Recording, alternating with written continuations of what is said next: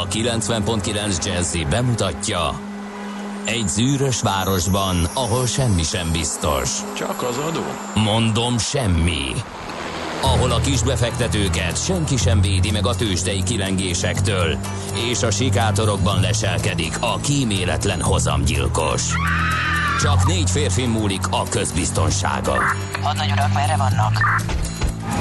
A mindenre elszánt és korrumpálhatatlan alakulat vigyáz a rendre minden reggel. Az állati nyomozók? Négy férfi egyeset és egy nyalóka. Ács Gábor, Gede Balázs, Kántor Endre és Mihálovics András. Az íróasztal mögül pedig Profit kapitány diktálja a tempót. Humor, emberi sorsok, közönséges bűnözők és pénz, pénz, pénz. Egy különleges ügyosztály. A Gazdasági Muppet Show minden hétköznap reggel a 90.9 Jazzin. De is figyelj, ne csak a bárányok hallgassanak. De miért? Ha nincs pénzed azért, ha megvan, akkor pedig azért. Millás reggeli. Szólunk és védünk. Hello, hello, szép jó reggelt mindenkinek! Elindul a Millás reggeli, itt a 90.9 Jazzy Rádión június 19-én szerdán fél hét után három perccel a stúdióban Kántor Endre. És Gede Balázs. 0630 20 10 909 az SMS, a WhatsApp és a Viber számunk is. Jött is már üzenet az utakról, Tomi írta például, a Szeremi utat befelé mindenki kerülje el. A Gálvani úttól a Véz a Rákóczi hídig 31 perc torlódást ír.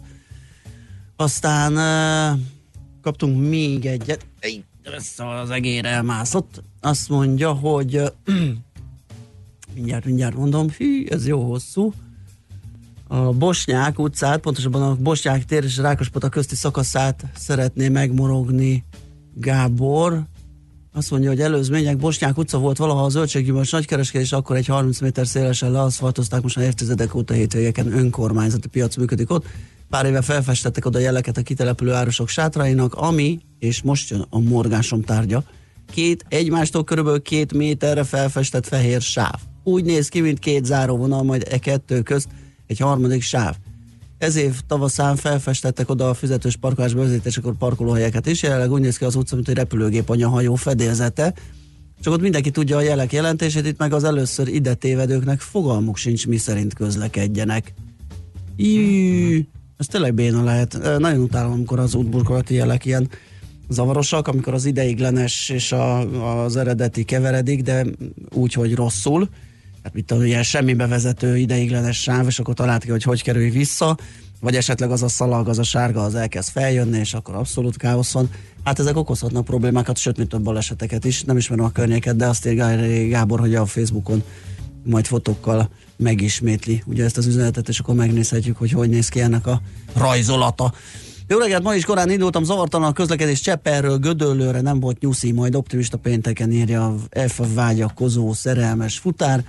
Aztán az m 0 az M7 M1 irányába tartó oldalon körülbelül Lakihegy magasságában baleset történt. Dunaharasztitól áll a sor, körülbelül egy órás menetidő növekedés várható. Tehát az m 0 M7 M1 irányába tartó oldalon Lakihegy magasságában. A helyzeten nem segít az sem, hogy rengeteg RO országjelzésű kamion a belső sávban halad. Hát igen.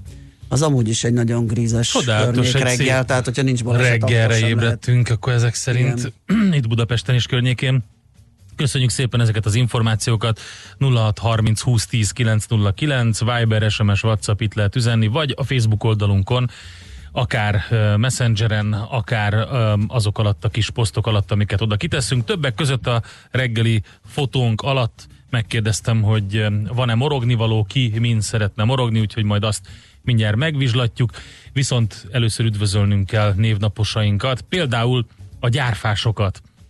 Hát És ö, az is ilyen szorványos lehet. Szor, szorványos, de nagyon érdekes története van, mert képzeld el, hogy a gyárfás az a görög eredeti, görög eredetű Gervázius, ami latinosított változata, ugye névből ered, és hát hogyha innen, és Gerváz ö, formában is létezett egyébként, meg járfás formában is létezett a magyarban, de a lényeg a lényeg, hogy ha ezt nézzük, akkor rájöttem, hogy Ricky Gervais-t úgy hívják, hogy Gyárfás Richard. Igen. És ez egy felismerés, ami nagyon klassz, úgyhogy Gyárfás Richard, hogyha ugyanúgy csinálnánk, mint annak idején tették Mixáték, Móricék, hogy mindent lefordítanak rendesen, tehát hogy Verne Gyula legyen abból a, az Igen, íróból, igen, igen, akkor, akkor- bizony az a van. színész, rendező, producer, az Gyárfás Richard Így van.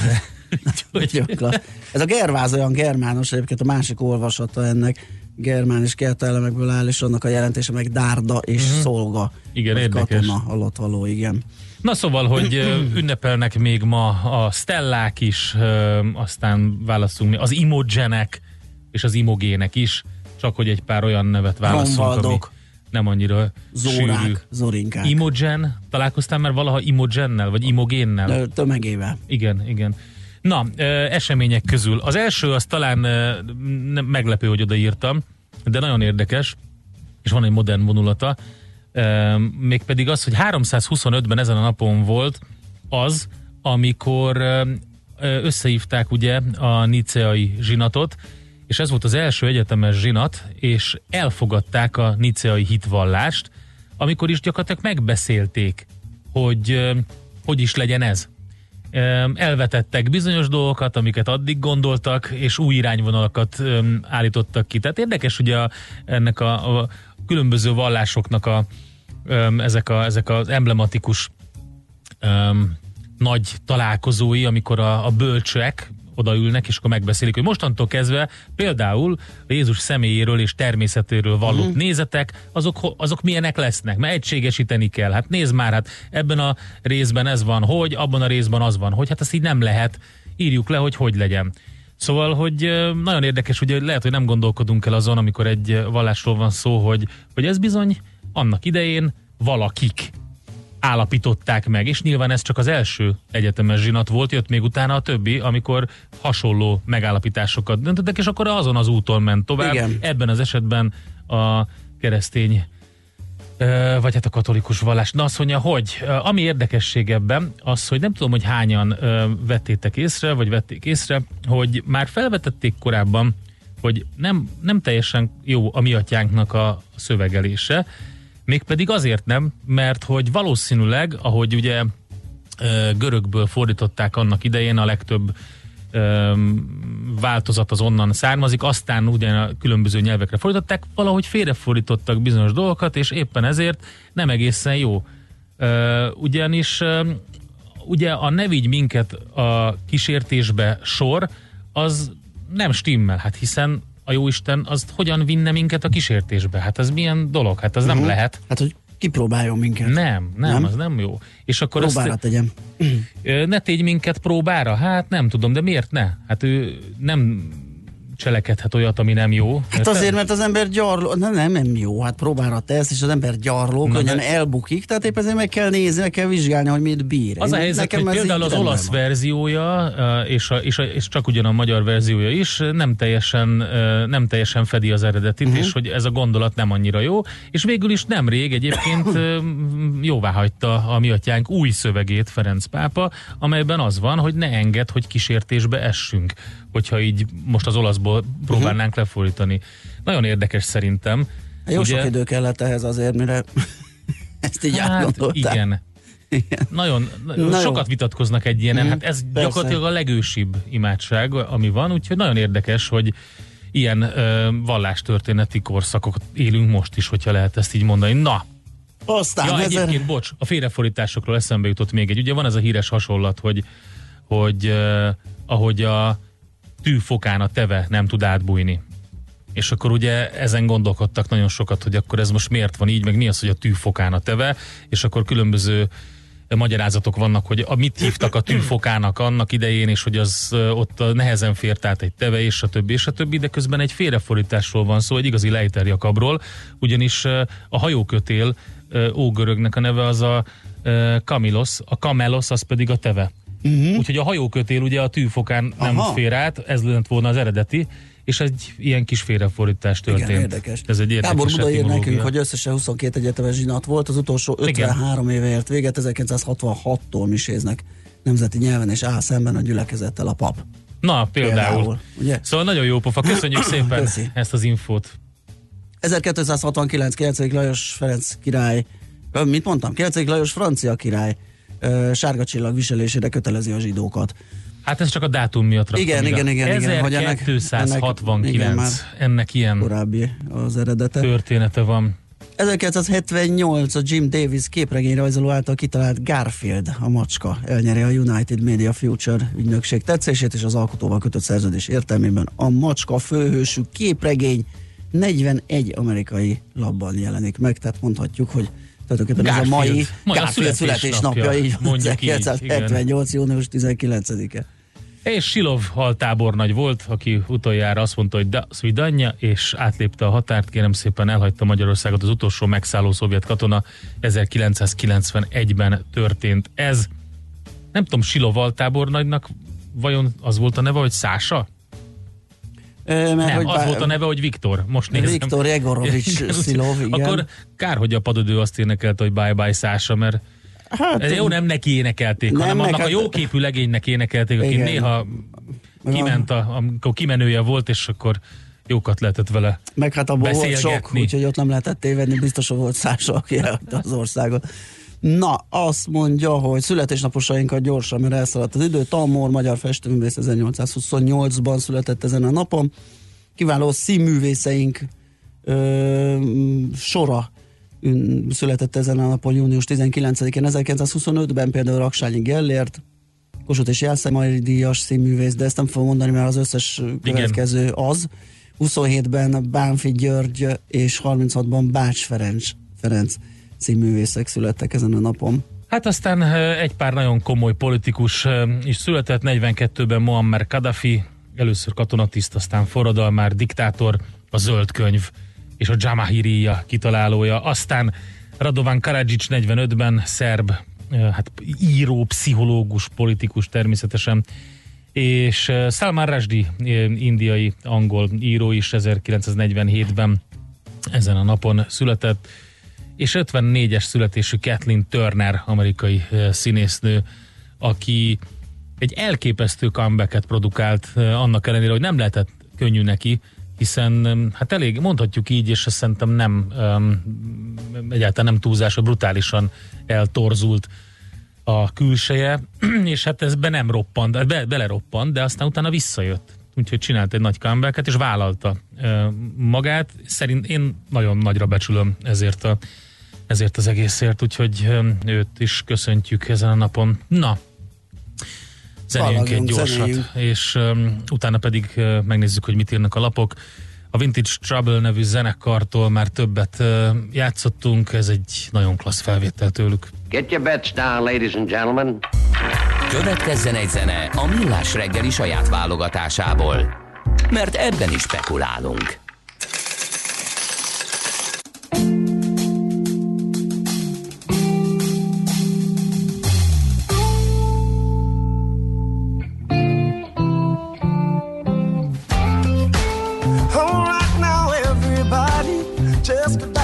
Doing what you were doing. All right now, everybody, just get back to doing what you were doing. Why don't we allow ourselves to be the legends while we're living? Where are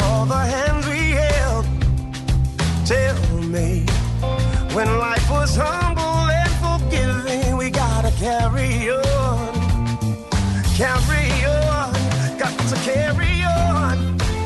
All right now, everybody, just get back to doing what you were doing. You see what I mean? All right now, everybody, just get back to doing what you were doing. Down your arms in alarms, lower your shoulders and be lovers.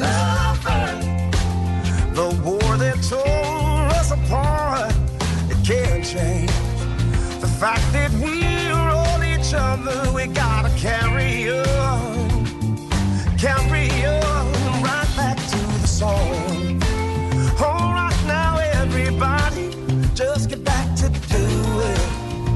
what you were doing. You see what I mean? All right now, everybody, just get back to doing what you were doing.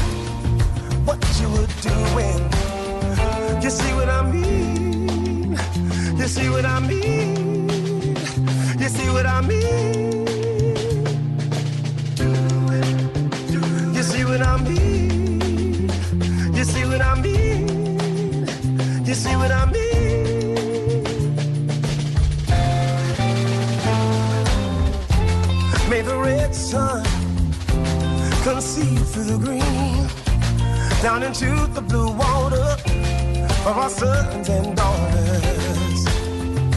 Uh, for our sons and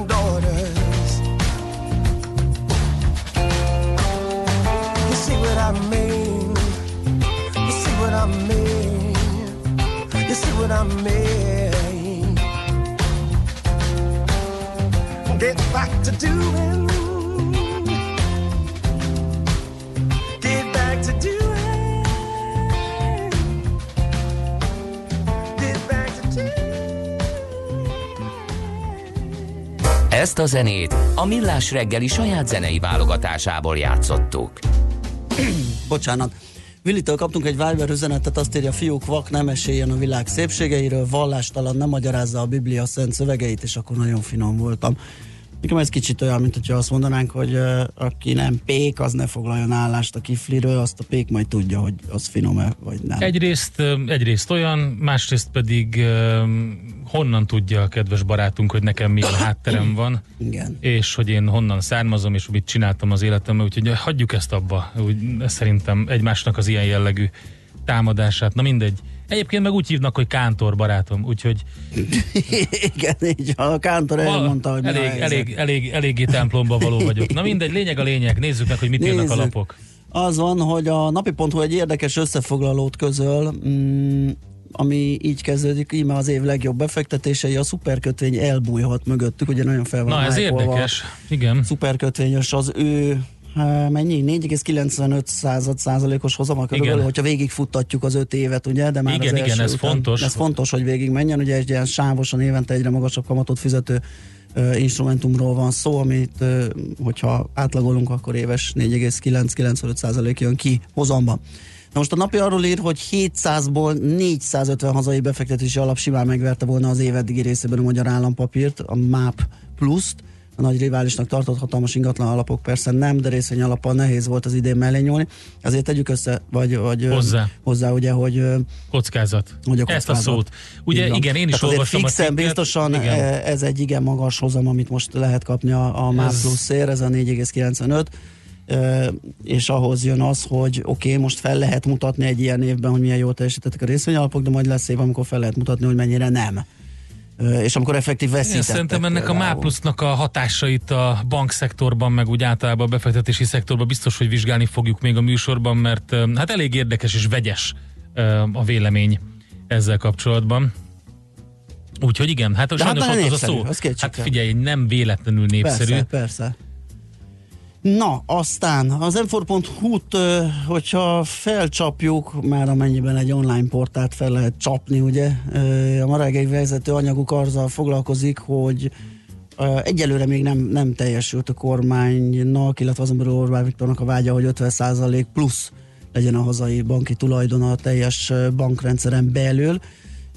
Még 2012. júliusában jelentették a miniszterelnök, hogy hogy azt akarja elérni, hogy a magyar bankrendszer fele magyar kézben legyen. Igaz, ez akkor nem nagyon lett definiálva, hogy hogy nézzük a felét. Tehát darabra, bankfiókra, alkalmazottra, ügyfélszámra, mérlegfőszegre, saját tőkére, mire vetítjük azt az 50%-ot. De egyelőre a cikk azt hiszem az a alsommázat az, hogy hogy a darabszámra ugyan megvan, de a többi tényezőnél nem nagyon jön ki a matek. Uh-huh. Úgyhogy ezt feszegeti a mai vezetőanyaga az m nak Én az Indexen találtam egy nagyon érdekes cikket, amit a politikóból vettek át. A lényeg a lényeg, Berlinben 5 évre befagyaszthatják az albérletek árát. Berlin lakosságának 85%-a ugyanis bérelt lakásokban él, nem csoda, hogy rendkívül erős a bérlői érdék érvényesítés a német fővárosban. Az utóbbi idők elszabaduló albérlet árai miatt általános elégedetlenség hatására a város vezetés javaslatot tett arra, hogy 5 évre fagyasszák be a bérlemények árát 2020. januárjától kezdődően. Hogyha megszavazzák, az árnövelés tiltása másfél millió lakásra vonatkozik, de a szociális bérlakások és az újépítési lakások nem tartoznak a hatája alá. A beszámolók szerint a tulajdonosoknak még akkor is engedélyt kell majd kérniük, hogyha felújítás miatt emelnének árat 50 eurócent per négyzetméternél nagyobb mértékben. Ez egy érdekes kezdeményezés, az Igen. biztos. Minden esetre nem csak Magyarországon van durva lakáshoz jutás terén durva helyzet. 2015-ben ugye Berlinben voltak komoly folyamatok, akkor vezették be, elő, elő, akkor vezetek be először a mostanihoz hasonló albérlet szabályozást. Minden esetre most megint előkerült ez. Na hát, és uh, ma hogyan fosszuk ki az államkincstárat jeligére? Olvassuk itt a Portfolio.hu ma reggel egy nagyon jó befektetési konstrukcióról, szuper állampapírt venni babaváró hitelből. Igen. Ezt Ez figyelj, a tuti, aj, az évszázad aj, befektetése. Hogy igen. Ugye gyakorlatilag egy nulla kamatú finanszírozással egy magas hozamú instrumentumba fektetni, az valami az hagyján, csuda. De azt Hiszen... revesgetik, hogyha nem jön, be a, nem jön össze a baba, Még akkor, akkor mi történik? Jó. Átmegy ugye piaci kamatozásúra, Igen. az a része, úgyhogy hát ez nagyon érdekes lesz. Ezért aztán um, július 1-től a roham az gyakorlatilag boldog-boldogtalan. Így van csinálni fogja. Úgyhogy uh, itt van különböző esetekre kiszámítva a nyerészkedők átnézhetik a portfolio.hu-n. Az első eset, hogy nem akarunk gyereket, kiszűr, vagy nem szűr. kiszűrni, sehogy. Hát ez sehogy. Hát ez sehogy, ez, ez így lett kitalálva. Um, úgyhogy az összes esetet, mondjuk születik egy gyermek öt éven belül, vagy két gyermek, vagy, vagy semennyi, vagy három, minden esetre le van bontva, hogy hogyan kell itt ezt csinálni. Na, van-e még egyebünk, vagy nézzük meg a törzsdei helyzeteket? Egy gyors, érdekes cikkajáló. Bot Péter Ákos írta a G7 ekonomi rovatában, ugye ott egy csomó vendégszerző van, általában komoly közgazdászok, és azt írta, hogy a 2020-as költségvetés tartásához sokaknak kellene sokat, és főleg hatékonyan dolgozni. Erről szól a cikk ugye a hivatalos magyar gazdaságpolitika optimizmusáról ír volt Péter Ákos. Talán még vannak olyan bankok, ahol biztos, hogy van, nem? Ahol az ő aláírása szerepel. Biztos, biztos, persze. Na. Um, azt írja, hogy hallgató azért 4%-os maginflációnál nem akkora eresztés a MAP plusz, és ki tudja meddig megy, szép csöndben öl az infláció. Ez így is van, ez teljesen így van. Sőt, főleg, hogyha azt is veszük, hogy most ugye 4% körül van igen a maginfláció, és még a szerkezete is rossz. Ugye, ahogy Zsidai Viktor is igen. rávilágított, hogy a lakhatási költségek például nagyon ö, kis súlya szerepelnek benne. Teljesen igaz, csak az a többi befektetésre is ugyanúgy igaz, ami persze, forint, forintban persze. denominált, úgyhogy itt igen. arról van szó, hogy ugye, hmm. hogy, hogy mondjuk mennyire tudjuk megőrizni tehát a pénznek a romlását, azt mennyire tudjuk meggátolni egy ilyennel. Igen. M1 M7 gazdag rétig jó onnan döcög. Kaptuk még a friss infót. Hmm.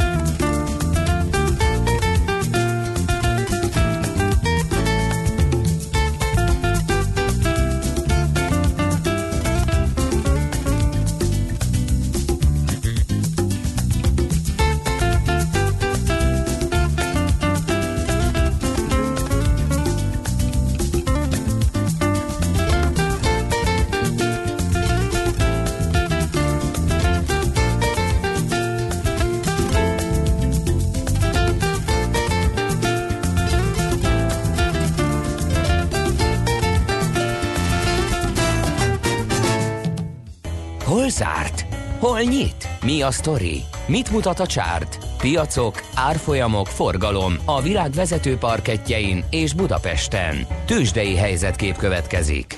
Na nézzük, mi történt először a nemzetközi piacokon. Hát Amerikában volt egy komolyabb fellendülés.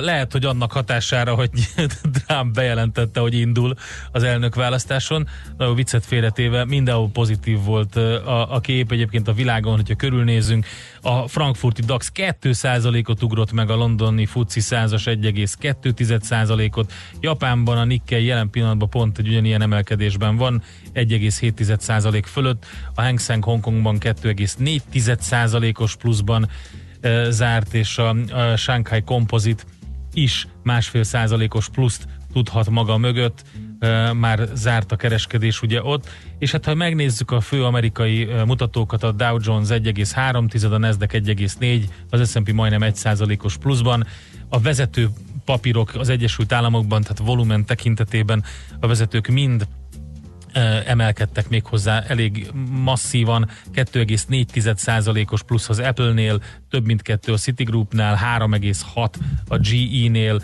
a Google is 1, a Microsoft 1,7%-os plusszal zárt. A negatív oldalon talán a Gap-et és a Kellogot, meg a Western Union-t lehet kiemelni.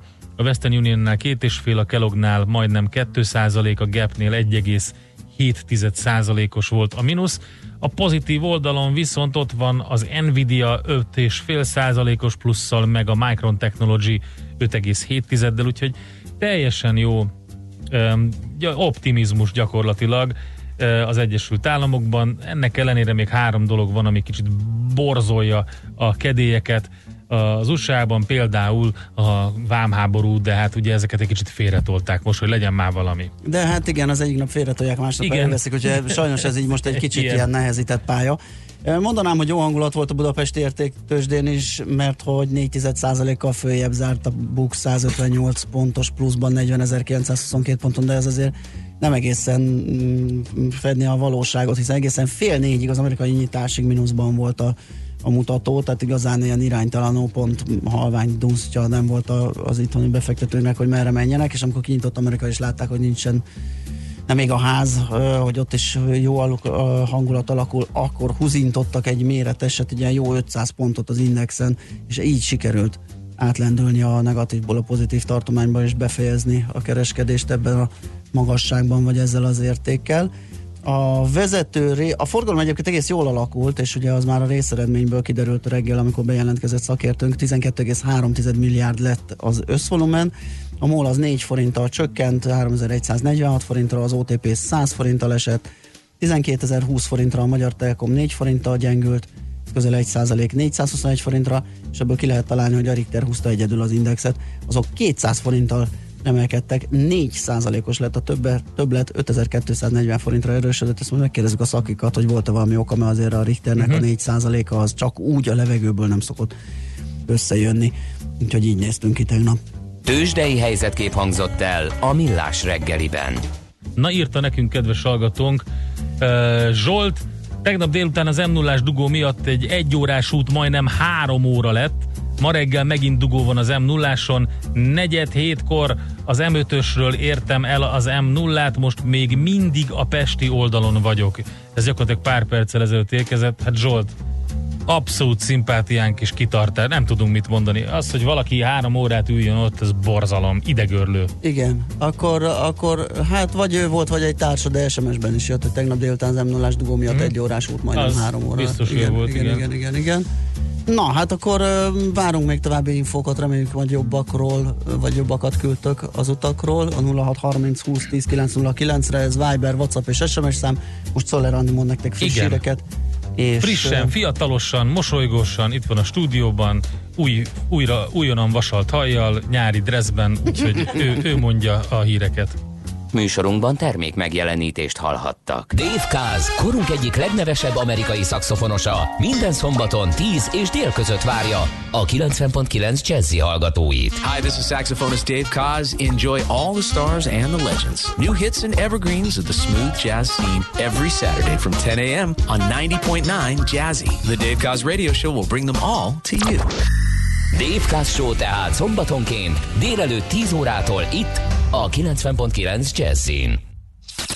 Reklám Mesébe illő helyszín, varázslatos hangulat és a német zeneszerző különleges szerzeményei. Beethovennel a Szabadban, a Nemzeti Filharmonikusokkal. Idén is várjuk Önöket júliusban szombat esténként Martonvásáron, a Brunswick kastély parkjában. A zene kaland. Jöjjön és legyen részese Ön is. Filharmonikusok.hu Ha te vagy a vállalkozásod motorja, és szíve, és lelke, és magyar hangja is, húzd ki magad. Mi ezt a megszállottságot csodáljuk benned. Vállalkozásod céges telekom előfizetést érdemel. Válts új Magenta 1 bizniszre, és választ hozzá a Samsung Galaxy S10 csúcsmobilt 0 forintért. Nem kezdő részlet, tényleg 0 forint. Új üzleti trend LD csomaggal, 15 GB mobilnettel, két éves határozott idővel. Részletek telekom.hu per üzleti. Telekom. Együtt. Veled. Engedje szabadjára fantáziáját. Képzeljen el egy autót, amely időtálló megjelenésével figyelmet követel, és minden részletében tökéletes. Kivételes vezetési élményt nyújt, és benne páratlan kényelem veszi körül. Hibrid lévén pedig tökéletes egyensúlyt alkot a természettel. Jó dolog álmodozni, de ez már a valóság. A legendás Toyota Camry most alacsony kibocsátású hibrid hajtással tért vissza. Toyota. Always a better way. Reklámot hallottak. Hírek a 90.9 Jazzin. Jelentősen csökkent több közjegyzői díj júliustól. Donald Trump 2020-ban újraindul az elnökségért, Venezuela titokban kiárusítja az aranykészletét. Budapesten most 22 fok van, ma is gomoly felhők zavarhatják a napsütést, záporokra, néhol heves zivatarokra is készülhetünk, napközben 27-32 fokot mérünk majd. Jó reggelt kívánok, Czoller Andrea vagyok, 4 perc elmúlt 7 óra. Jelentősen csökkent több közjegyzői díj júliustól. A lakásvásárlásoknál a nyilatkozat díja a közjegyzői szerződés szokásos munkadíjának 30%-a lesz, az eddigi 50% helyett. A nyugdíjkorhatárt betöltöttek az öröklési, tartási és életjáradéki szerződések megkötésénél 25% díjkedvezményt kapnak az eddigiekhez képest. Felére csökkentik a díjat a szociális vagy egészségügyi okok miatt közjegyzői közreműködésre szorulóknál, például látássérültek vagy kórházban fekvő betegek esetében az egyoldalú jognyilatkozatoknál, meghatalmazásoknál vagy végin, végintézkedéseknél.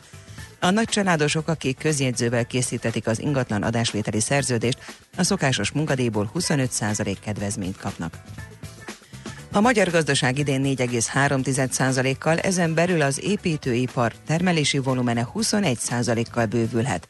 A szakemberek azonban úgy vélik, hogy 2020-tól már lassul a gazdaság növekedése, az építés gazdaság teljesítménye pedig jelentősen akár 16%-kal visszaeshet. Varga Dénes közgazdász egy kutatás eredményei kapcsán közölte, az ágazat jövő évi teljesítményét az 5%-os áfa körül korábban kialakult bizonytalanságok is befolyásolják, ugyanis mindezek miatt több építőipari cég is a tervezetnél sokkal korábban adta át, vagy még idén átadja beruházását, így 2020-ra jelentősen lecsökken az átadásra váró lakások száma. Péntekre összehívták a Magyar Traumatológus Társaság rendkívüli közgyűlését, mert összeomlóban van a baleseti sebészeti ellátás, írja a 444. A portál idézi a meghívó levelet, ebben az áll, hogy a budapesti traumatológiai ellátás a személyi és tárgyi feltételek kritikus helyzete miatt már most is összeomlással fenyeget, a vidéki ellátás pedig változatlan feltételek esetén hamarosan kritikussá válhat.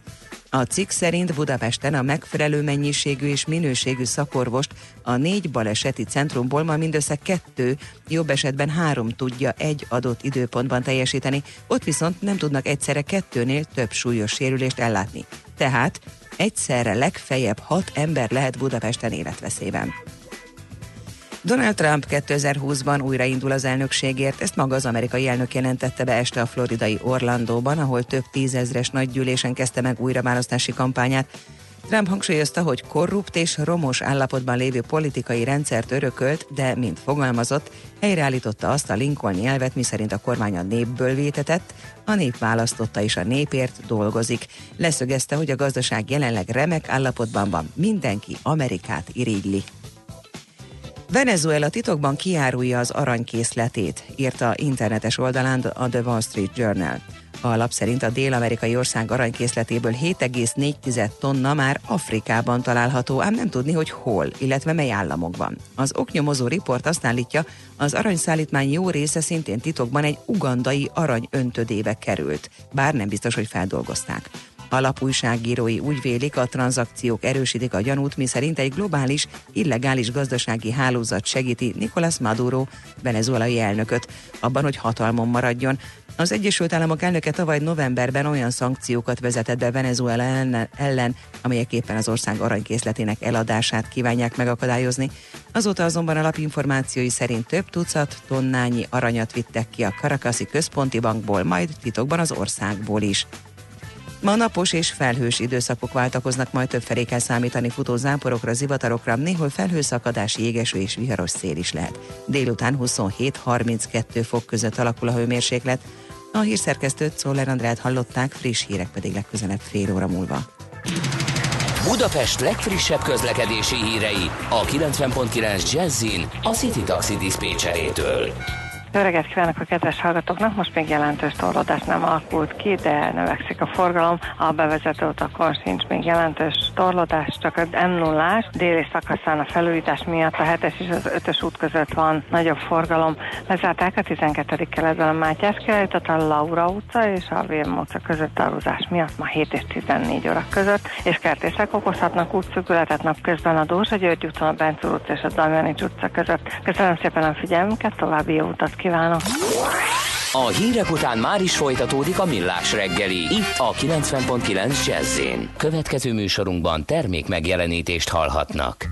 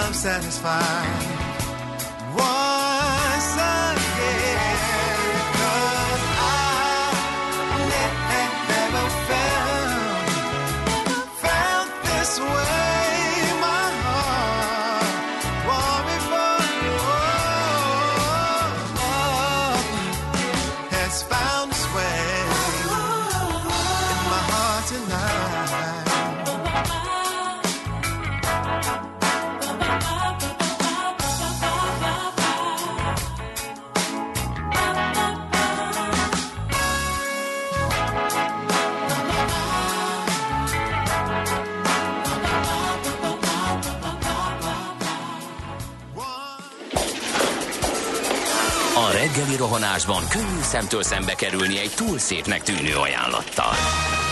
Az eredmény krétával körberajzolt tetemes összeg. A tethelyen a gazdasági helyszínelők, a ravasz, az agy és két füles csésze és fejvállalakzat. A lehetetlen küldetés megfejteni a Fibonacci kódot. A jutalom egy bögre rossz kávé és egy olyan hozamgörbe, amilyet még Alonso Mosley sem látott. Millás reggeli, a 90.9 Jazzy Rádió gazdasági mapetsója. Vigyázat! Van rá engedélyünk! Együttműködő partnerünk az új Magenta egy Business csomagszolgáltatója, a Telekom. Magenta egy Business. Vállalkozásod céges Telekom előfizetést érdemel. Jó reggelt kívánunk, kedves hallgatók! Ez a Millás reggeli továbbra is itt a 90.9 Jazzy Rádión. Szerdán reggel, igen, 418 előtt 2 perccel a stúdióban Kántor Endre. És Gede Balázs. 06 30 20 10 909 az SMS, WhatsApp és a Viber. Viber számunk, igen.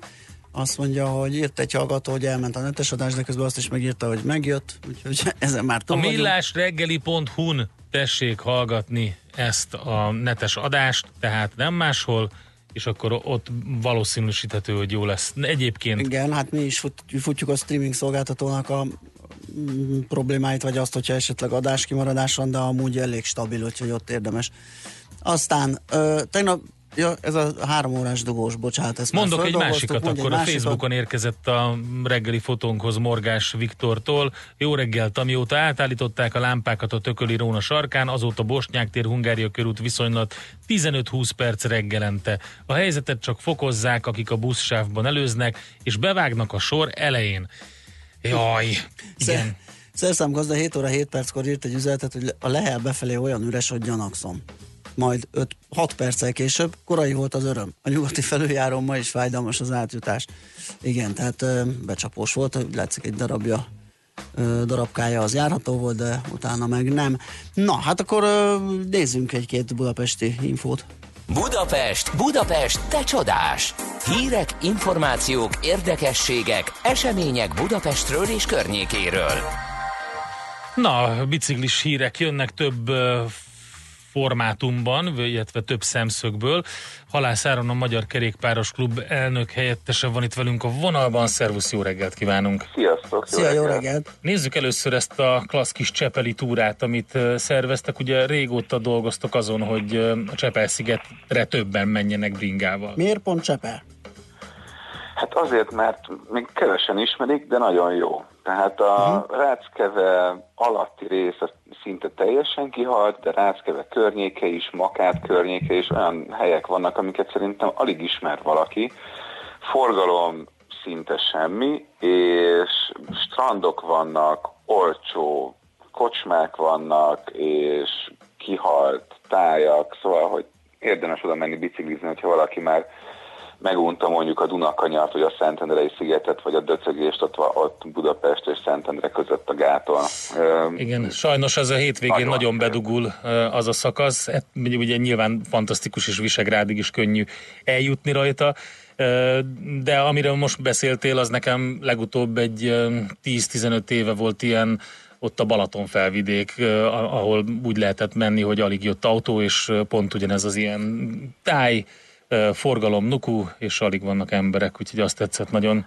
Hát igen, de a Balaton felvidékre azért el kell jutni, Igen. ez egy egész hétvégi program. Igen. Ide meg vagy le lehet tekerni végig, vagy hogyha mondjuk a, ezt a Sziget Szent Miklós környékét kihagynánk, akkor hévvel el lehet menni Ráckevére.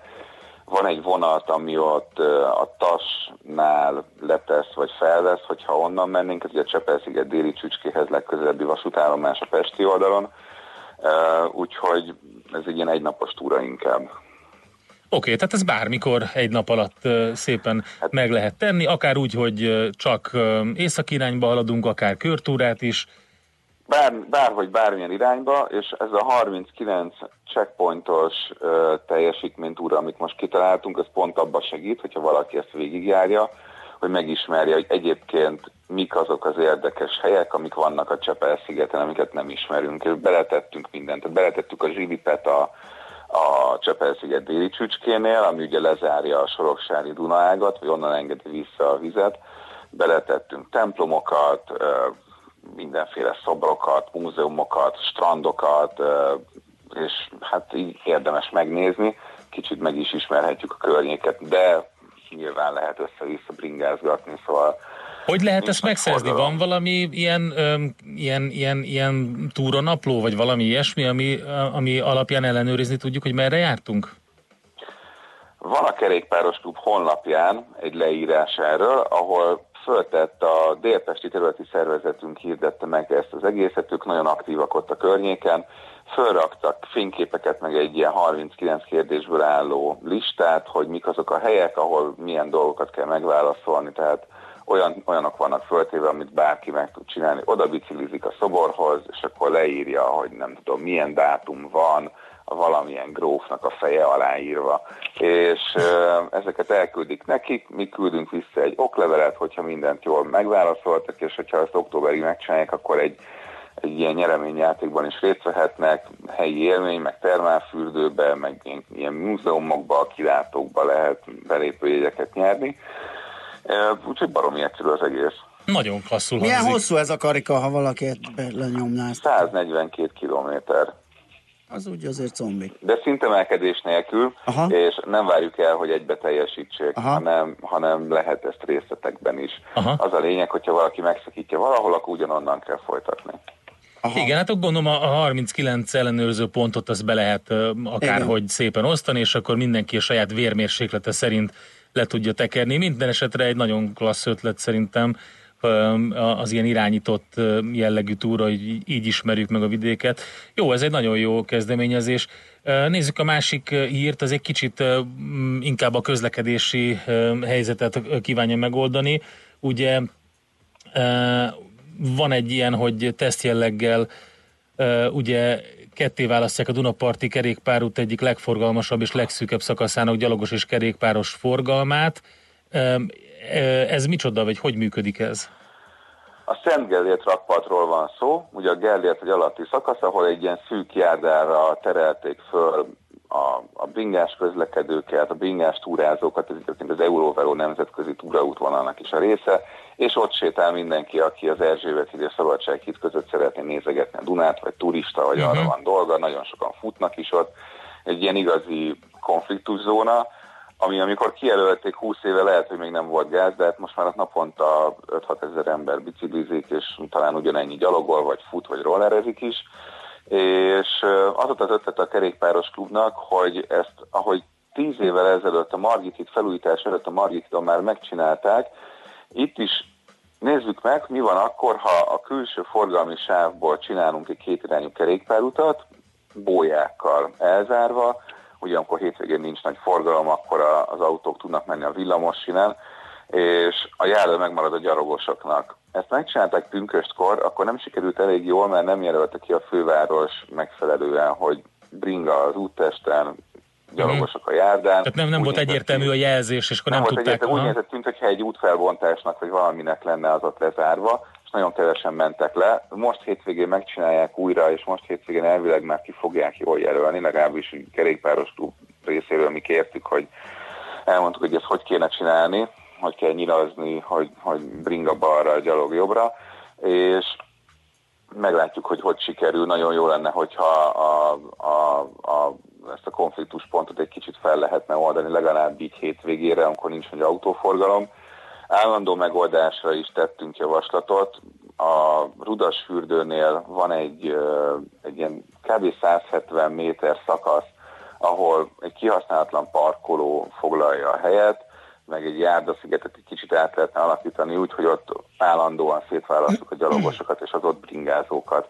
Ez az egyik legszűkebb rész, ahol, ahol, ahol egy ilyen kisebb szegélyépítéssel gyakorlatilag meg lehetne oldani azt, Igen. hogy a, a mindennapokban is ez egy kevésbé problémás rész legyen. Igen, ott a járda is beszűkül egyébként, és akkor tényleg az egy ilyen, egy ilyen üvegnyakhatást Hát generál. ezt ne is mondd, azt három év vagy négy éve építették az Erzsébet híd alatti villamos megállót, amit ahelyett, hogy egy kicsit így eltolták volna a két peront, azt ugye ugyanoda tették le egymás mellett, és emiatt egy, hát talán egy méter 20 centi maradt az összes Mhm. uh-huh. dologosnak és bringásnak egy ilyen 30 méteres szakaszon. Ezt nem tudnánk most így hirtelen megoldani azzal a javaslaton, a kerékpáros klub tett, tehát ez egy nagyobb átépítés lenne újra, de a többi szakaszt azt azért lehetne enyhíteni, és nagyon fontos lenne, mert hogy egyre többen járnak itt bringával, egyre többen járnak itt gyalog, vagy futva, vagy rollerrel, vagy ami most már mind uh-huh. megjelennek ezek az új eszközök, és ez- ezt a konfliktust ezt valahogy, valahogy gyengíteni kéne, vagy enyhíteni. Jó, nézzük meg akkor, hogy a pünkösdi hétvége után most a hétvégén hogy szerepel ez, a, mm, ez az egész a Szent Gellért rakparton, hogy, hogy van kettéválasztva, hogy tudják használni. Reméljük, hogy minél több mindenkihez eljutottunk mi is ezzel az infóval. És akkor... Hát meg az, hogy iránycsepel. Így van, Így van. Á, iránycsepel, az a másik. Nekem nagyon tetszik ez a túra, főleg Igen, az, hogy ötlet. egy nap alatt simán meg lehet csinálni, legalábbis részekben. Áron, nagyon szépen köszönjük, jó munkát nektek! Szép napot, szia! Sziasztok! Halász Áronnal, a Magyar Kerékpáros Klub elnök helyettesével beszélgettünk. Nekünk a Gellért hegy a Himalája. A Millás reggeli fővárossal és környékével foglalkozó rovata hangzott el. Következzen egy zene a Millás reggeli saját válogatásából. Music for Millions.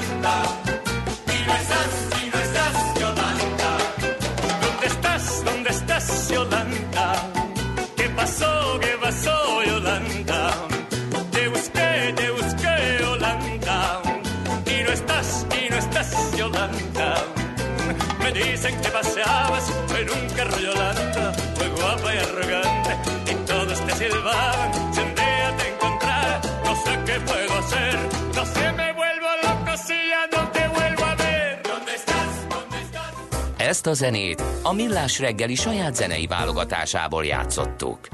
Az ember kösse meg a kezét, csak így eresztheti szabadjára a képzeletét.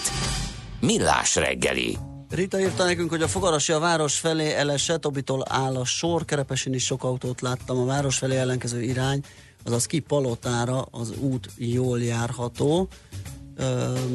Ez a legfrissebb útinfónk, és azt mondta, Jolánta feldobta a reggelt, írja szerszámgazda, még ez, ez jött ebben a pillanatban. De igen, a Pink Martini kiváló Igen. felvétele. Na most viszont egy sokkal keményebb sztori jön.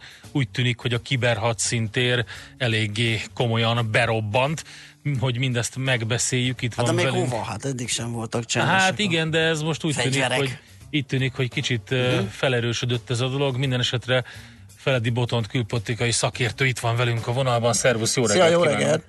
Sziasztok, jó reggelt kívánok! Hát ugye lehet megint hallani sok mindent, például, hogy az EU parlamenti választásokat is megpróbálták befolyásolni az oroszok, de ami szerintem sokkal érdekesebb az az, uh, amire te hívtad fel egyébként a uh, figyelmemet, hogy hogy az, a, az orosz ilyen hálózatokra, á- energiahálózatokra fejtettek ki elég komoly online nyomást mondjuk, vagy támadást az Egyesült Államokból. Így van, igen, tehát most Trump elnöknek, mielőtt még itt bedobta magát az újraválasztásért zajló küzdelembe, volt egy tweetje, amin egy New York Times cikket kezdett el hazárulózni. Ez önmagában nem lenne akkora újdonság. Igen, igen, már volt.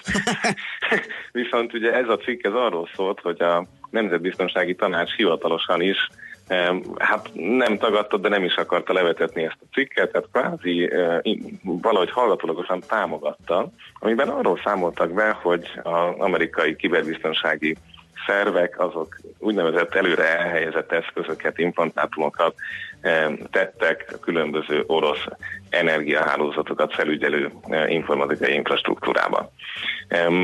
És itt tehát innentől kezdve lesz érdekes a dolog, mert eh, ez egyszerre jelenti azt, hogy az Egyesült Államok egy másik ország civil infrastruktúráját támadja. Tehát amíg arról beszélünk, hogy az amerikaiak eh, a Szentpétervári Troll Farmnak a szervereit megtámadták, és annak az adatbázisát megsemmisítették, em, ez egy látható visszavágás azért, hogy ez a Troll Farm a 2016-os elnökválasztást befolyásolni próbálta. De itt ugye arról van szó, hogy amit egyébként az oroszok 2017 óta bizonyítottan az amerikai eh, energiahálózaton is művelnek, ugyanígy előre telepítenek eszközöket, hogy potenciálisan egy konfliktus esetén használják azokat. Ezt most az amerikaiak nyilvánosságra hozták, hogy ők is csinálják. Ez ugye két dolgot biztosan jelent nekünk. Az egyik az az, hogy amit nyilván sejtettünk, hogy az amerikaiak is ugyanazt megteszik, eh, és valószínűleg egyébként egy jóval fejlettebb verzióban, amit az oroszok és a kínaiak igyekeznek. Eh, Másrészt, hogy eh, ez a vita, hogy hol ér a kiberháború határa véget, ez eh, hát semmilyen módon nincsen lezárva. Tehát, hogy katonák támadnak katonákat, katonák támadnak civileket, kiberbűnözők támadnak civileket, és közben a katonák a hátuk mögött állnak, ugye az orosz megoldás. Eh, Tehát, hogy nagyon sok fajta kritikus pont van, ahol nem teljesen látjuk, hogy mi lesz a jó, és ebből bontakozott ki most egy elég nagy vita az egykori Obama és a mostani Trump tisztviselők között, hogy szabad-e eh, ennyire nyilvánosan civil infrastruktúrát támadni az Egyesült Államoknak. Elkölcsileg, etikailag és taktikailag. Tehát, hogyha ezt bejelentjük, akkor azzal a hidegháború egyensúlya jön létre. Tehát az oroszok is tudják, hogy ott vannak az amerikaiak, amerikaiak is tudják, hogy bent vannak az oroszok, és akkor mindenki békén hagyja a másikat. Vagy pedig éppen a, a Dr. Strange-nak a forgatókönyve következhet, hogy valaki egyszer egy rossz gombot nyom, és nem tudjuk, mi történik. Ráadásul ugyanaz a pro- probléma és kockázat fennáll, hogy egy kibertámadás elindulásakor, akkor is, hogyha egyébként csak idézőjelben csak eszközöket helyez el, tehát mondjuk úgy, hogy aknákat telepít a régi értelemben, tehát nem azonnal robban föl, csak ha valaki mozgolódik. Ezt nem nagyon lehet megkülönböztetni az első pillanatban. Tehát az oroszok ugye valahogy tudniuk kellett, hogy ez most egy támadás, vagy pedig ez egy e, ilyen típusú behatolási kísérlet, ami e, ebben a szakaszában, ha nagyon jó indulatúak vagyunk, lehet kémkedés vagy más egyéb. És ezt nagyon nehéz megkülönböztetni mindenkinek, minden játékosnak, e, és éppen ezért a válasz is nagyon nehéz, hogy akkor ilyenkor mi a reakció, mit kellene tenni. A régi Obama iskola az azt mondta, hogy kereskedelmi szankciók, diplomáciai szankciók, em, számlabefagyasztások, tehát hagyományos gazdasági szankciós eszközöket is be kell vetni. Még Trumpék nagyon következetesen egyébként, tehát a Kína politika mellett a kiberpolitika az, ami eh, vitán felül áll a republikánus táborban.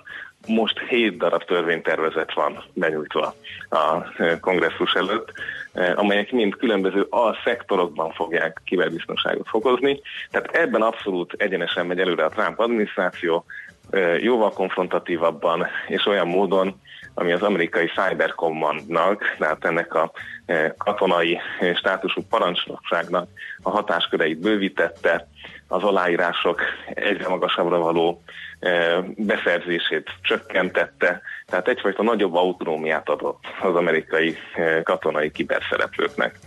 A törvények pedig, amik most érkeznek, azok is jól az érvének a másik oldalát, hogy ők tudják, hogy az oroszok, kínaiak, irániak, koreaiak vissza fognak támadni.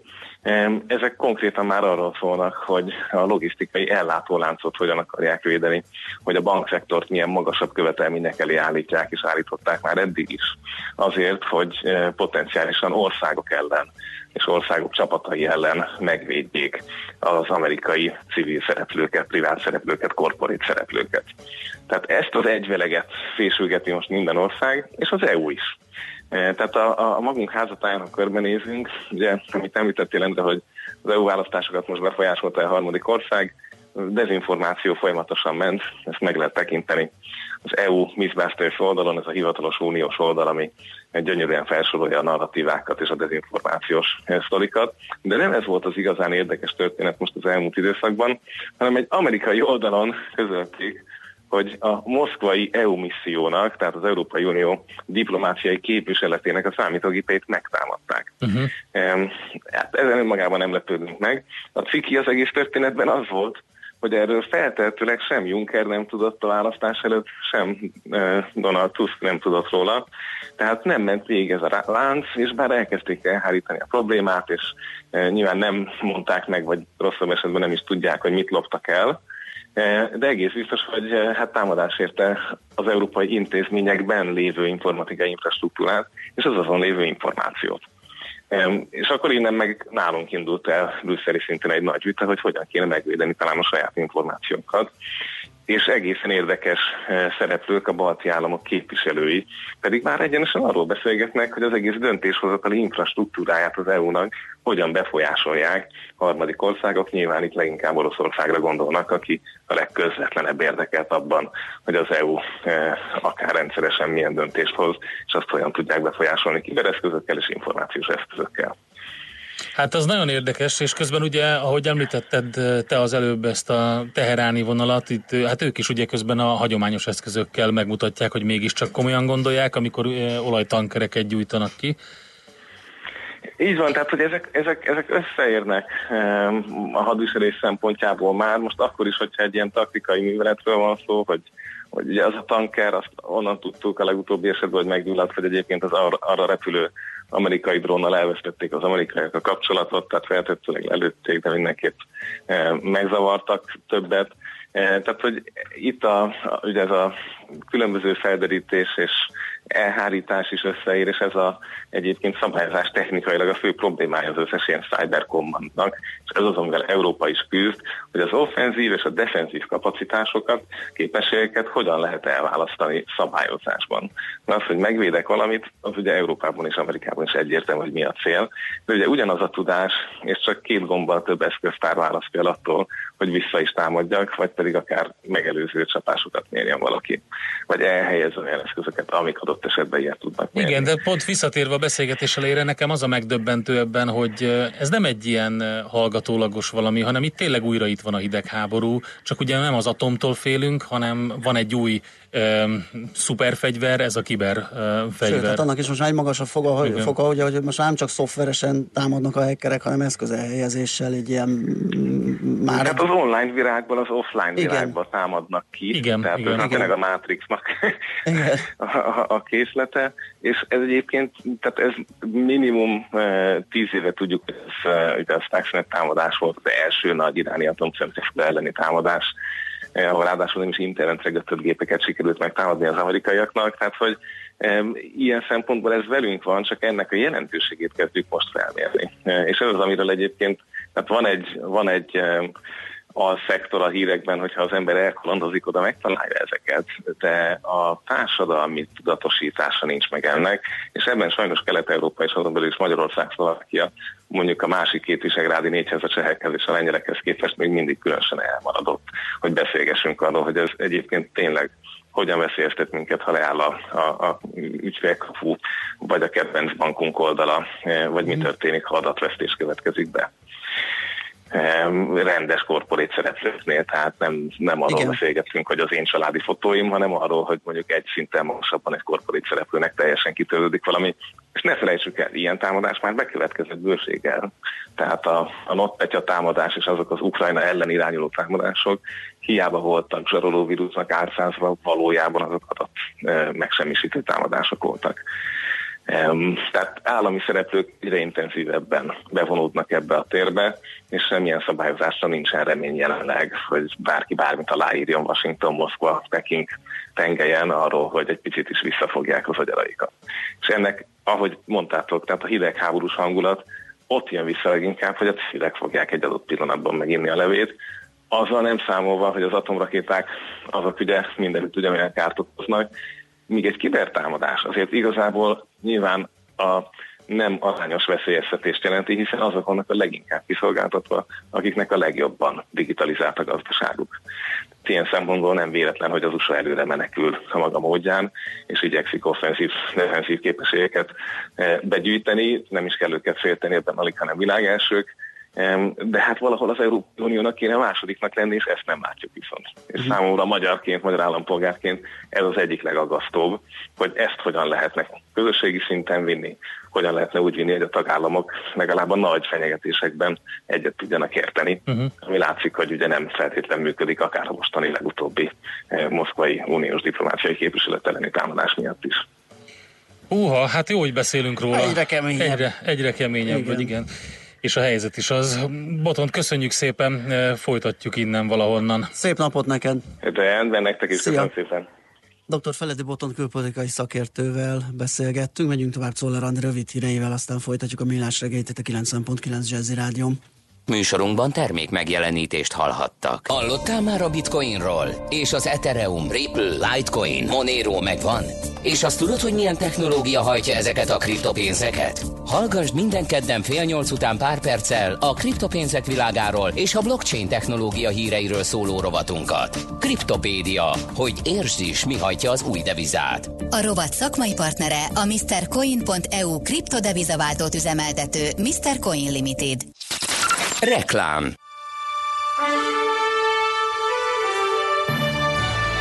Új városnegyed születik az Óbudai Dunaparton. A Big George Property legújabb fejlesztése. Új lakások bevezető áron június 30-áig. I love Waterfront City. vfcity.hu Aj, mély néni, miért nem írsz olvashatóbban? Mi ez a firka? Duna Playa... Duna Pláza. Ja, hogy egy pláza! Király, úgy is kell néhány új gönc. És hát, ha épp akciós a vasember szerpó is. Ha megmérkőzni a pókemberrel, vagy szeretnéd megnyerni a 100 páros jegy egyikét a Pókember idegenben július 4-i hivatalos filmbemutatójára, akkor látogass el a Duna Plázába június 19 és 22 között. Részletek dunapláza.hu Let's play! Aki gyakran jár nehéz terepen, erős kézzel tartja a kormányt. Nem fél a kihívásoktól, és kemény társat választ. Épp úgy, mint azok, akik erőgépnek Fordot választottak.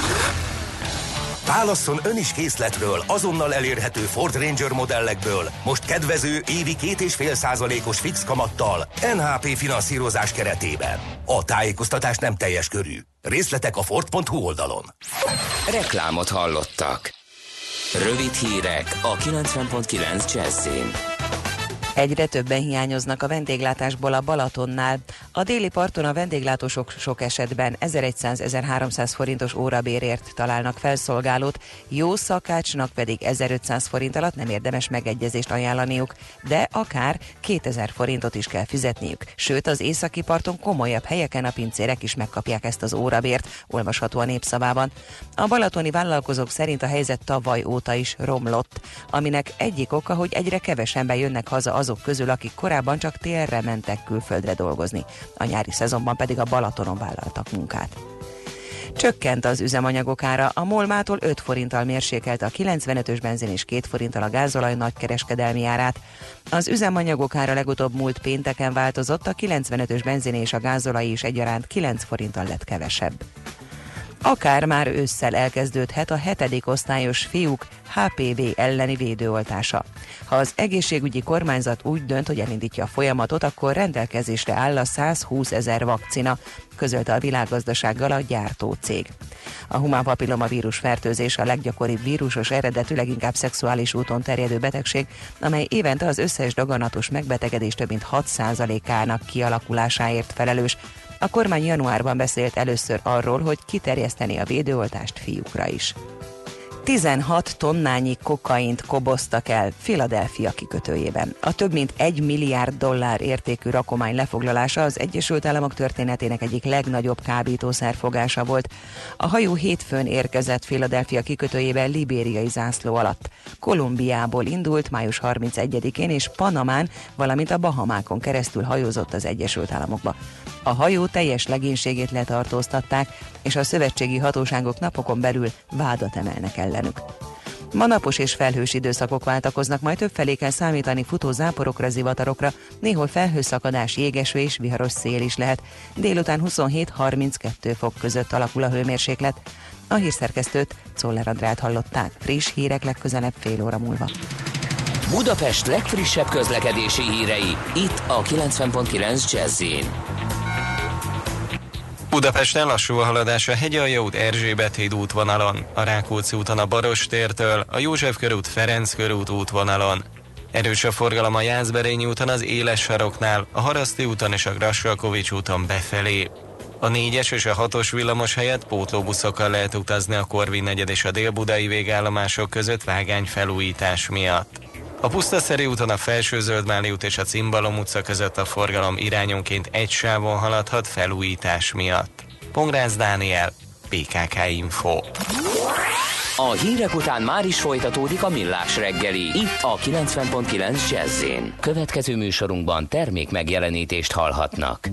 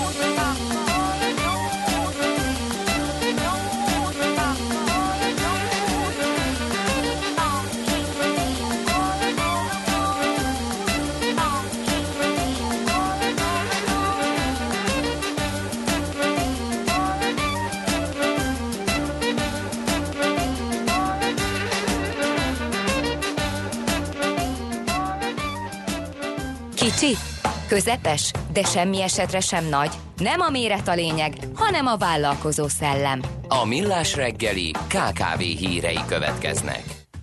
Na, kis és közepes vállalkozásoknak, illetve még talán a mikróknak is szóló hírek következnek, bármint az egyik alkalommal, vagy az egyik hír tekintetében a mikróknak nem.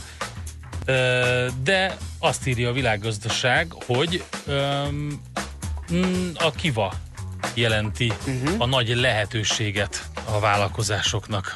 Igen, eddig miért nem jelentette? Nem tudom, érdekes. Uh-huh. Mindenesetre a mostani 13-ról 12 ra csökken az adókulcsa a kivának.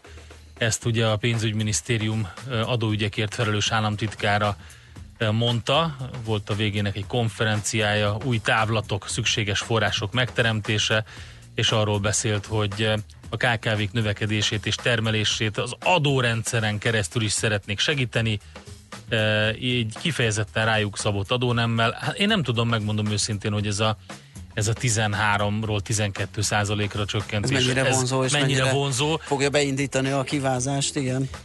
Minden esetre nyilván, tehát most nem nyilván, tehát amit mondott, azt uh-huh. nem Mhm. csak azt kell érteni, hogy ezt az egy dolgot szánják, hanem azért rengeteg olyan intézkedés volt az elmúlt időszakban, amik kimondottan a KKV szektor forráshelyzetének javítására irányult. Többek között ugye a, a különböző hitelgaranciák, ugye a garant tikától is hallottunk különböző intézkedéseket, de az a kiva adókulcs csökkentés is mm, ott van.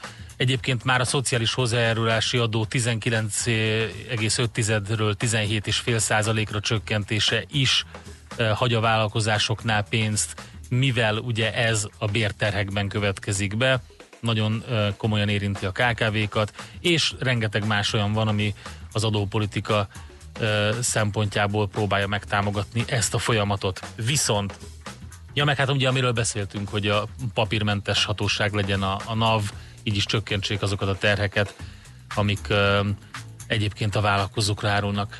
Ami viszont más típusú forrásbevonási lehetőség a KKV szektor számára, és itt azért nyilvánvalóan olyan cégekről van szó, akik nem a, a mikro kategóriába hát, tartoznak. Sőt, a KK-ból és az utolsó K, tehát inkább a középvállalat, Igen, egyébként az MNB is a igen, saját igen, hitelminősítése szerint, vagy a Deloitte 100-150 alkalmas cég van erre. Ugye arról van szó, hogy a Magyar Nemzeti Bank növekedési kötvényprogramjának a keretében be akarja indítani a vállalati kötvénypiacot, mert hogy az Magyarországon nem túl erős. Vannak persze nagyvállalati kötvények, de azért nem mondhatni, hogy ez egy gyakori finanszírozási eszköz.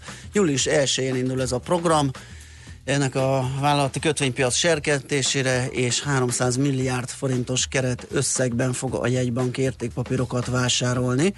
Ez egyébként nagyjából úgy néz ki... Van egy kötelező vásárlás ugye a jegybanknál. Igen, igen, a kibocsátások 70%-át. Akár. Piacon, akár. Azt hiszem, azt hiszem 50%-át megveszik, de akár a 70 igen, 50 az elsődleges piacon, tehát rögtön a kibocsátáskor el, elvihető lehet a vevője, és hogyha nagyon lanyha vagy, vagy akadozó a kereset, akkor még, még vásárolhat. Ebből a futamidő az 3-10 év, és az MNB kitettsége legfeljebb 20 milliárd forint lehet egy vállalattal szemben, egy kibocsátás legalább 1 milliárd forint lehet, tehát azért itt is látszik, hogy nem, nem apró vállalatkáknak szól ez, tehát a legkisebb volumen az egy 1 milliárdos kötvényállomány, amit ki kell pattintani a piacra, és azt aztán felhasználni beruházásokra.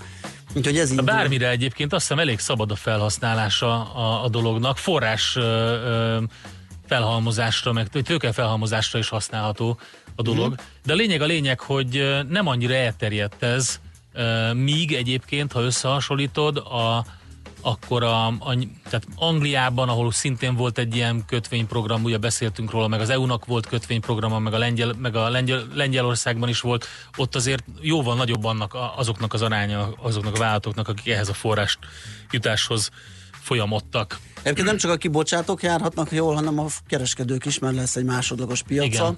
Ugye először legalább öt külső befektetőnek kell még az MNB mellé beszállni partnerként, vásárlóként, és azután jöhet a forgalmazás. 180 napon belül a kibocsátás követően a BÉT valamelyik kereskedési platformjára kell bevezetni. Ez a formálódó X-bond lehet egy alternatív kereskedési forma, aminek egyébként még a szabályai nem véglegesek, tehát egy ilyen kötvénykereskedési platform úgyhogy befektetők is mazsolázhatnak majd vállalati kötvényekből, úgyhogy remélhetőleg sikeres lesz a program.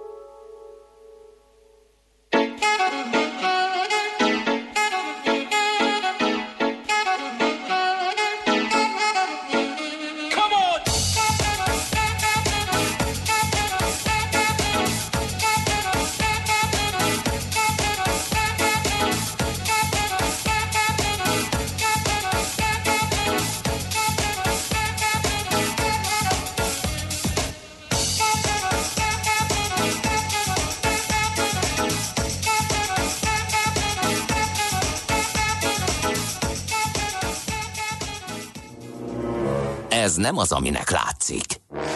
Millás reggeli.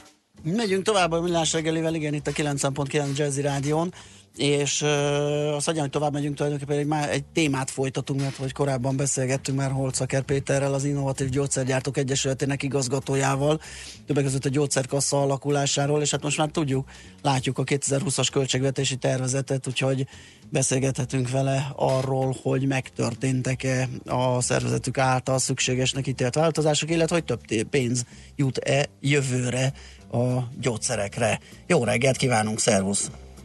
Szervusztok, jó reggelt kívánok a hallgatók. Na, hogy állunk, mi az irány? Jó haladunk? Valóban most már ugye a parlament előtt van a jövő évi költségvetés uh-huh. tervezete, és sokkal tisztában láttunk, mint az, az elmúlt alkalommal, amikor beszélgettünk. Vannak jó hírek is, és kevésbé jó hírek is a gyógyszerkassa jövő évi alakulásával kapcsolatosan. Összességében elmondható, hogy az E-alap gyógyszertámogatás előirányzat sora az egy 31 milliárd forintos növekménnyel van megtervezve a jövő évre, ami mindenképpen szerencsés és jó előrelépés. Azt azonban hozzá kell tenni, hogy ez a, ez a tavalyi tervszámokhoz, vagy hát az idei tervszámokhoz képest történő előrelépés, mint egy 8%-os bővülést eh, jelent, de hogyha a gyógyszerkassa belső dinamikáját, struktúráját tekintjük, akkor ez így összességében nem fog egy olyan jelentős bővülést jelenteni, amely elegendő lenne arra, hogy például a visegrádi országokkal való összehasonlításban is előre lépjünk. Azt um, megint szeretném elmondani, hogy ha, ha összehasonlítjuk mondjuk a cseh vagy a szlovák gyógyszer finanszírozás mértékével, akkor még így az emelt összeg mellett is Csehországban körülbelül a duplája jut egy betegre vagy egy, egy lakosra gyógyszerár támogatásban, és Szlovákiában is mintegy 30-35%-kal magasabb a finanszírozás. De Ez- ez- ez mit jelent? Bocsánat, ez csak egy hogy- szerencsés lépés, hogy egy- legalább a szinten tartás Igen. nem volt kérdés a Hogyha most egy csapásra ebben a költségvetésben ö, próbáltunk volna erre a szintre a v 4 fölzárkozni, akkor a 31 milliárd helyett mekkora számnak kéne ott szerepelnie? Kicsit bonyolultan fogok válaszolni, elnézést is kérek a hallgatóktól, hogy ez a 31 milliárd forintos bővülés, ez még egyszer mondom, ez a gyógyszerkassa soron Aha. történő bővítést jelent, de az a sajátossága a magyar gyógyszerfinanszírozásnak, hogy szerencsére nem csak azt a pénzt költi el az ország, vagy költi el a NEAG gyógyszerek finanszírozására, ami ezen a soron hanem sok más Mhm. rész ö, területen is egy jelentős mennyiségű ö, kiadást tud allokálni ezekre a, ezekre a, a, a feladatokra, és ha összességében nézzük, akkor egy körülbelül olyan 30-40 milliárd közötti az az összeg, ami még hiányzik, de ez a, ez a nettó gyógyszer közkiadás mértékére vonatkozik, nem pedig arra, hogy ezen belül a gyógyszerkassa sor hogyan változik. Mondok egy konkrét példát, tehát például a, a gyógyszer kiadások soron meglévő vagy betervezett 31 milliárdos plusz az egy 8%-os bővítés jelent, de a gyógyszergyártói befizetések, vagy a, a, a, a kö- köznyelvi megfogalmazásban a gyógyszer különadók mértékében pedig egy 10%-os vagy 12%-os többlet van betervezve jövőre, tehát ami az egyik oldalon növekményként megjelenik, az természetesen úgy értelmezendő, hogy a másik oldalon a gyógyszergyártói befizetések is nőnek ezzel párhuzamosan, ami egyébként összességében egy rendkívül markáns összeg, tehát már a betervezett szint is 90 milliárd forint fölött van, ami azt jelenti, hogy a, a, az organikus bővülés következtében jövőre szinte biztos, hogy 100 milliárd forint fölé fog kúszni a gyógyszergyártói befizetések mértéke, ami egy hatalmas összeg. Uh-huh. Mit lehet elmondani így összességében? Akkor elégedettek a gyógyszerkassa emelésének a mértékével, vagy inkább csak az irány az, ami tetszett? Az irány mindenféleképpen jó. Öm, Szerintünk fölöslegesen aggodalmaskodni nem szükséges, tehát ez egy, ez egy markáns és jó lépés a megfelelő irányba. Hiba lenne itt megállni, tehát tovább kell mennünk, és nem csak a a, a finanszírozás összegszerűsége az, ami, ami fontos és amit bővíteni kell, hanem mindent meg kell tenni annak érdekében, hogy az új terápiák, az új gyógyszeres terápiák a magyar betegek számára minél gyorsabban elérhetővé válnak. Ennek vannak finanszírozási kérdései, illetve előfeltételei, de sok egyéb más is, és az a jó hírem, hogy ezzel kapcsolatban az EIPM, az Innovatív Gyógyszergyártók Egyesület egy rendkívül részletes szakmai javaslatcsomagot tett le a kormány asztalára annak érdekében, hogy az újonnan érkező terápiák, tehát a legmodernebb onkológiai, immunbiológiai, stb. stb. lehetne sorolni a sokáig a, a, a példákat, ezek a terápiák, terápiák minél gyorsabban és a környező országokhoz hasonló gyorsasággal érkezhessenek meg a magyar ellátórendszerbe. Egyébként hogy zajlik ez a folyamat már, mint a, a társadalombiztosításba vétele a gyógyszereknek, és, és mi, mi az, ami a, a, a szűk keresztmetszet, ami lassítja? Hát azt szoktuk mondani, hogy ez a folyamat Magyarországon a legbonyolultabb egész Aha. Európát tekintve, úgyhogy nem, nem is tudom egy mondatban megválaszolni. A lényeg, hogy van egy nagyon jól előkészített és egyébként ebben a vonatkozásban remekül működő szakmai előkészítő fázisa. Ez is hosszú ideig tart, de ez jogszabályban lefektetett határidők keretein belül történik. Itt a technológiai értékelés, illetve a NEAK általi előzetes javaslattétel történik meg. Ez, ez rendkívül flottul működik. Ugyanakkor ezt követően arra visszavezethetően, hogy az új gyógyszerek vonatkozásában új jogszabályt, vagy jogszabályt is kell módos, új jogszabályt kell hozni, vagy jogszabályt is kell módosítani, rendkívüli módon lelassul, és hosszú évekre is akár elhúzódhat egy-egy befogadás. Ez azért szerencsétlen, mert hogyha most szintén a nemzetközi versenyképességünket nézzük, akkor egy-egy ilyen eljárás mondjuk Csehországban vagy Szlovákiában 160-180 napon belül végig tud futni. Addig a magyar adatok azt mutatják az elmúlt pár év befogadásait elemezve, hogy sok esetben két éven túli eljárás is áll egy-egy befogadás mögött, tehát óriási a lemaradás uh-huh. ebben a vonatkozásban. Persze az is igaz, hogy ez alatt az idő alatt egyéb finanszírozási technikákkal, egyedi méltányossági alapon, stb. stb. számos magyar beteg jut hozzá ezekhez a készítményekhez, de sajnos ez nem a normál, reguláris eljárás, hanem ez, ez gyakorlatilag a kivételt jelenti. Mit lehetne, vagy mit kellene tenni, mert akkor ezek szerint van arra példa, hogy lehet ezt gyorsabban is ö, csinálni, tehát ö, hol kéne változtatni? Ez egy nagyon fontos meglátás, és azt gondolom, hogy ez jó lenne, ha a döntéshozók számára is ennyire triviális lenne, mint ahogy te is most ilyen gyorsan uh-huh. rákérdeztél, hiszen ezekre a, a kiadásra, vagy ezekre a terápiákra más csatornákon van forrás, eh, tehát igazából az lenne a szerencsés, hogyha ezeket egy kifejezetten az új készítményekre dedikált költségvetési soron, már hogy az E-alapon belüli költségvetési soron egy gyorsított hozzáférést biztosító finanszírozási mechanizmuson keresztül lehetne gyorsan finanszírozni, ami egyébként arra is lehetőséget biztosítani, hogy egy át, biztosítana, hogy egy átmeneti finanszírozási időszakban a NEAK a magyar ellátások keretében valós adatok alapján értékelje, hogy azok az új terápiák ténylegesen milyen hozzáadott értéket jelentenek a magyar ellátórendszer számára, és hogyha úgy érzi, hogy ez szerencsés, vagy hogy alkalmas arra, hogy a magyar betegeket jól és hatékonyan gyógyítsa, akkor minden információ megvan ahhoz, hogy a normál finanszírozásba bekerülhessenek ezek a készítmények. Mikor lehet ebből valami? Tudjátok-e támogatni a döntéshozatal, tudtok-e lobbizni, segíteni ezeken a folyamatokon? Természetesen próbáljuk, az előbb utaltam arra, hogy egy viszonylag részletes alap kiinduló csomagot tettünk le a kormányasztalára, ez ebben is benne van, tehát megfogalmaztuk azokat az alapvető feltételeket, szakmai, technológiai kérdéseket, amelyek ahhoz szükségesek, hogy ez megvalósítható legyen, sőt tovább mentünk annak érdekében, hogy segíteni tudjuk az előrelépést.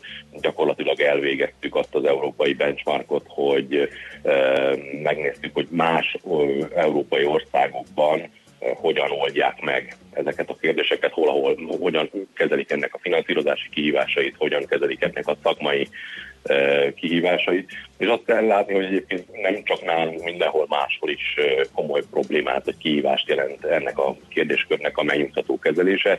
Egy azonban biztos, hogy csak azok tudtak előrelépni Európában, akik, akik nem várták, hogy a sűrűn beleszálljon a szájukba, hanem hanem elkezdtek egy új finanszírozási módszertant, meg befogadási módszertant kidolgozni, és ők bizony most már irigyelt módon bőven előttünk vannak. Hát akkor azért szorítunk mi is, hogy a, a javaslataitok meghallgatásra lejjenek, és haladjunk ezzel az ügyben, hiszen az egész társadalomnak jót tennek. Köszi szépen a beszélgetést. Nagyon szépen Szép köszönöm. napot. Sziasztok. Szervusz. Viszontalásra. Dr. Holcaker Péterrel, az Innovatív Gyógyszergyártók Egyesületének igazgatójával beszélgettünk, és hát elszaladt az idő, M1 M7 egérútól tízzel csoszorog, Ancsa írta ezt nekünk, szép napot kívánva mi is neki. 0630 20 10 909, Viber, WhatsApp és SMS szám, Czoller Andi mond nektek friss híreket, utána folytatjuk Jövünk vissza, mégpedig két nagyon komoly témával. Kell-e kártérítést fizetni az amerikai rabszolgaságért? tette fel a kérdést egy publicisztikában Pogácsa Zoltán közgazdász, szociológus, és azt is, hogy mi a Huawei ügy valódi háttere. Arról is értekezett, úgyhogy ebbe a témába jön ide hozzánk a stúdióba két témába, erről fogunk beszélgetni.